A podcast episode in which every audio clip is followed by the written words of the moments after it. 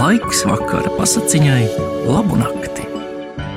Latvijas rādio darbinieki stāsta savas mīļākās vakara pasakas. Labvakar! Pasaku jums lasīs Jānis Ramāns no ziņu dienesta un arī trīs jauku bērnu tēvs. Parasti gan pasakas stāstu, izdomātas saviem bērniem, bet šoreiz lasīšu pasakas par mīlestību. Esmu izvēlējies lietuviešu pasaku Egle Zalkšu karaliene. Reiz sen senos laikos dzīvoja vecīts un vecinīti. Viņiem bija 12 dēli un 3 meitas, no kurām jaunākā vārdā Egle. Kādā vasaras vakarā visas trīs māsas gāja peldēties, izplunčājušās, izkāpa krastā ģērbties, jaunākā skatās, viņas krekla piedurknē saritinājies guļs zelktis. Ko nu iesākt? Vecākā māsa tūdaļ pakampa miet un grasījās zelkti, dzīt prom. Zelktis tanī brīdī pagriezās pret jaunāko māsu un ierunājās cilvēka balsī. Dod eglīt vārdu, ka nāks pie manis par sievu, tad es pats labu prātu līdīšu laukā. Eglā praudājās, kā lai viņi iet pie zelkša par sievu, pēc tam bargi sacīja: Atdod man kraklu un ej prom, no kurienes nācis. Bet zelktis palika pie sava, dod vārdu, ka nāks pie manis par sievu, tad pats labu prātu līdīšu laukā.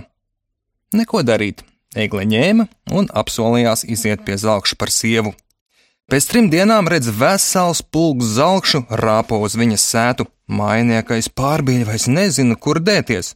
Zelkši čum un muģ pa sētu, tīnās, vijās un lokās. Tad precinieks sanāca istabā aprunāties ar vecākiem un līgavu. Sākumā vecāki tiepās, negribēja piekrist tomēr, ko tādās sprukās lai iesāk. Gribot, negribot, jaunākā un skaistākā meita bija jādod zelktim par sievu, Bet viņi tik viegli vēl nepiekāpās. Zelkšiem liek uzgaidīt, pašai aiziet pie vecas, gudras kaimiņienes un visu izstāsta. Kaimiņienes saka, zelkti var viegli piemānīt, meitas vietā dodiet viņam zosi un sūtņus laidiet prom. Tā arī izdarīja, saģērba baltu zosi un precinieki ar to devās ceļā. Drīz vien dzirdēja, kā dzēguze bērzā sāk kūkot. Kuku, kuku! Ku, Jūs pievīla, līgavas vietā jums baltu zosi iedeva kuku, kuku. Zalkši atgriezās nikni, nometa zosi un prasīja īsto līgavu. Vecāki atkal rīkojās pēc vecās kaimiņienes padoma, šoreiz saģērba baltu aitu. Kad zalkši bija devušies ceļā, dzēguze atkal sāk kūkot: Kuku, kuku, jūs pievīla! Līgavas vietā jums baltu aitu iedeva, Zelkši šņāgdami atgriezās un atkal prasīja īsto līgavu. Tagad viņiem iedeva baltu govi, dzēguzi arī šoreiz brīdināja, un zelkši atgriezās vēl niknāki. Par dotā vārda laušanu draudēja ar sausu laiku plūdiem, badu, mainieki egli gauži apraudāja un atdeva zelkšiem. Zelkši no egli veda prom, bet dzeguze ceļmalā kūko: Pasteidzieties, pasteidzieties, līgavainis gaida līgavu. Beidzot, egle ar visiem pavadoņiem sasniedza jūras krastu. Tur viņu gaidīja skaists jauneklis. Jauneklis pateica, ka esot tas pats zelktis, kas ielīdz viņas krekla piedurknē. Visi tūlīt pārcēlās uz tuvējo salu, bet no turienes nolaidās pazemē zem jūras, kur bija ļoti grezna zelkšu pils. Te viņus arī koja kāzus, trīs nedēļas dzēra, dancoja un priecājās. Zelkša pilī valdīja pārpilnība, un Egle nomierinājās, kļuva priecīgāka, beidzot tēva mājas pavisam aizmirsa. Pagāja deviņi gadi, Egle bija sagaidījusi trīs dēlus - ozolu, osi un bērzu, un vienu meitu - apsīti, tā bija visjaunākā.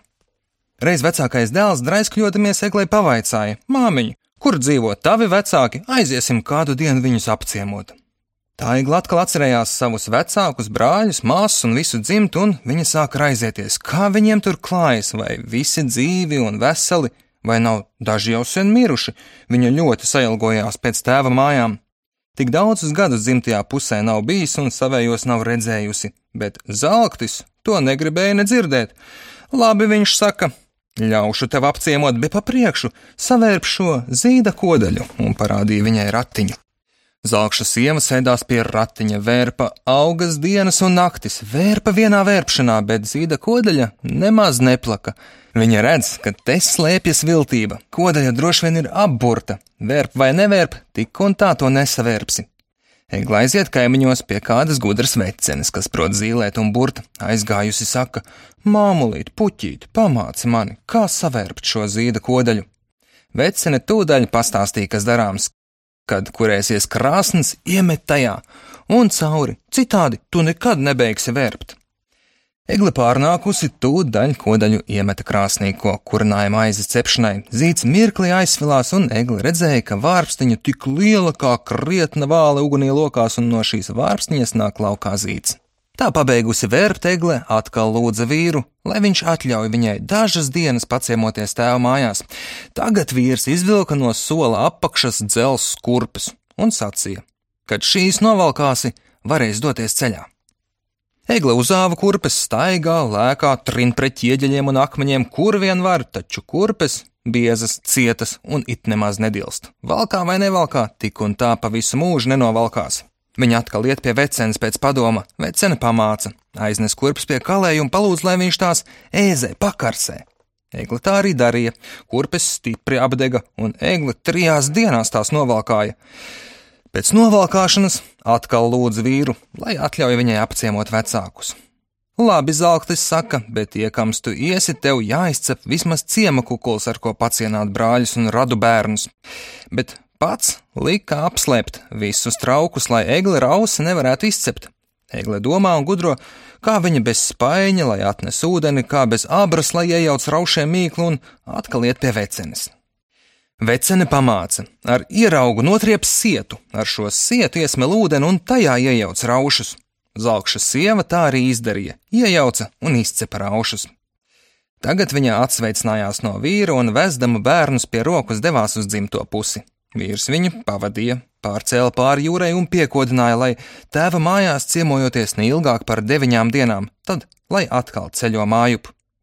Mājup nākot, viņš teica, ej viena ar bērniem un atnākusi jūras krastā man pasauc šādiem vārdiem: Žilvin, žilvinīt, ja dzīves esi piena puta, ja beigts esi asins puta. Un, ja ieraudzījis, kā atpeld pa jūru piena puta, tad zini, esmu dzīvs. Ja asins puta, tad esmu dabūjis galu, bet jūs, bērni, nevienam nestāstiet, kā man jāpasauc. To pateicis, Zelktis no visiem atvadījās, novēlēdams pēc apciemojuma laimīgi atgriezties. Tikko Egla ieradās tēva mājās, tur sākās neizsakāmi prieki, visu dzimta, visi radi un kaimiņi sanāca apraudzīt Egli. Cits pēc cita taujāja, kā viņi tur dzīvojusi ar zelkšiem. Egli aizgūtnēm stāstīja, visi viņu cienīja, mīlīgi uzrunāja, Eglī nepamanīja, kā paskrēja dienas. Viņas brāļi, māsas un vecāki pa to laiku gudroja, kas būtu darāms, lai Eglē vairs nevajadzētu doties prom un norunāja. Visu pirms jāiztaujā bērni, kā māte atgriezusies pie jūras sauks savu vīru, bet pēc tam pašiem jāaiziet uz jūras krastu, jāpasauc zelktis un jānosit. Tā norunājuši, viņa aizved eglis vecāko dēlu ozolu uz mežu, sastājās apkārt un prašņāja, bet ozols izlikās neko nezinām. Viņu pēra ar rīkstēm, visādi mocija, bet neko nevarēja izdabūt. Laižot uz mājām, piedraudēja, lai savai mātei ne vārda nestāsta. Otrā dienā atveda osi, tad bērns tomēr arī no tiem neko nespēja izdibināt. Beidzot atvilināja eglis jaunāko meitu apsīti. Sākumā apsīti sacīja, ka neko nezinot, taču ieraudzījusi no svārku apakšas izvelkam rīkstes, tūdaļ visu izpļāpāja. Nu, visi 12 eglis brāļi paņēma izkaptis un devās pie jūras, nostājās krastā un sauca: Žilvin, žilvinīt, ja dzīves esi piena puta, ja beigts esi asins puta. Tikko zelktis atpeldēja, visi puiši klupa virsū un sacirta viņu gabalos. Atgriezušies mājās, Eglei tie nebilda ne vārda.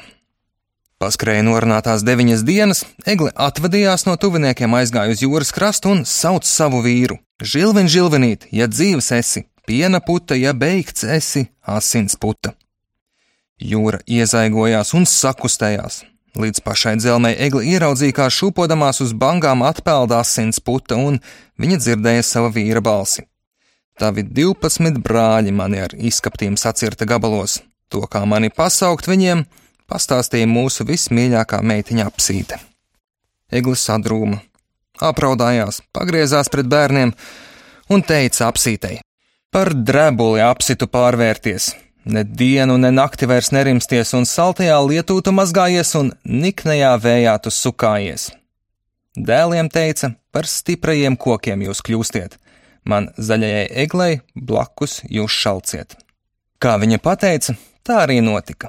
Ozols, osis un bērs ir mūsu visstiprākie koki. Apse arī šodien visniecīgākajā vējā sāk drebēt, tāpēc, ka viņa drebēja savu tēvoču priekšā un nodeva miesīgo tēvu un māti. Ar to arī pasaka ir galā.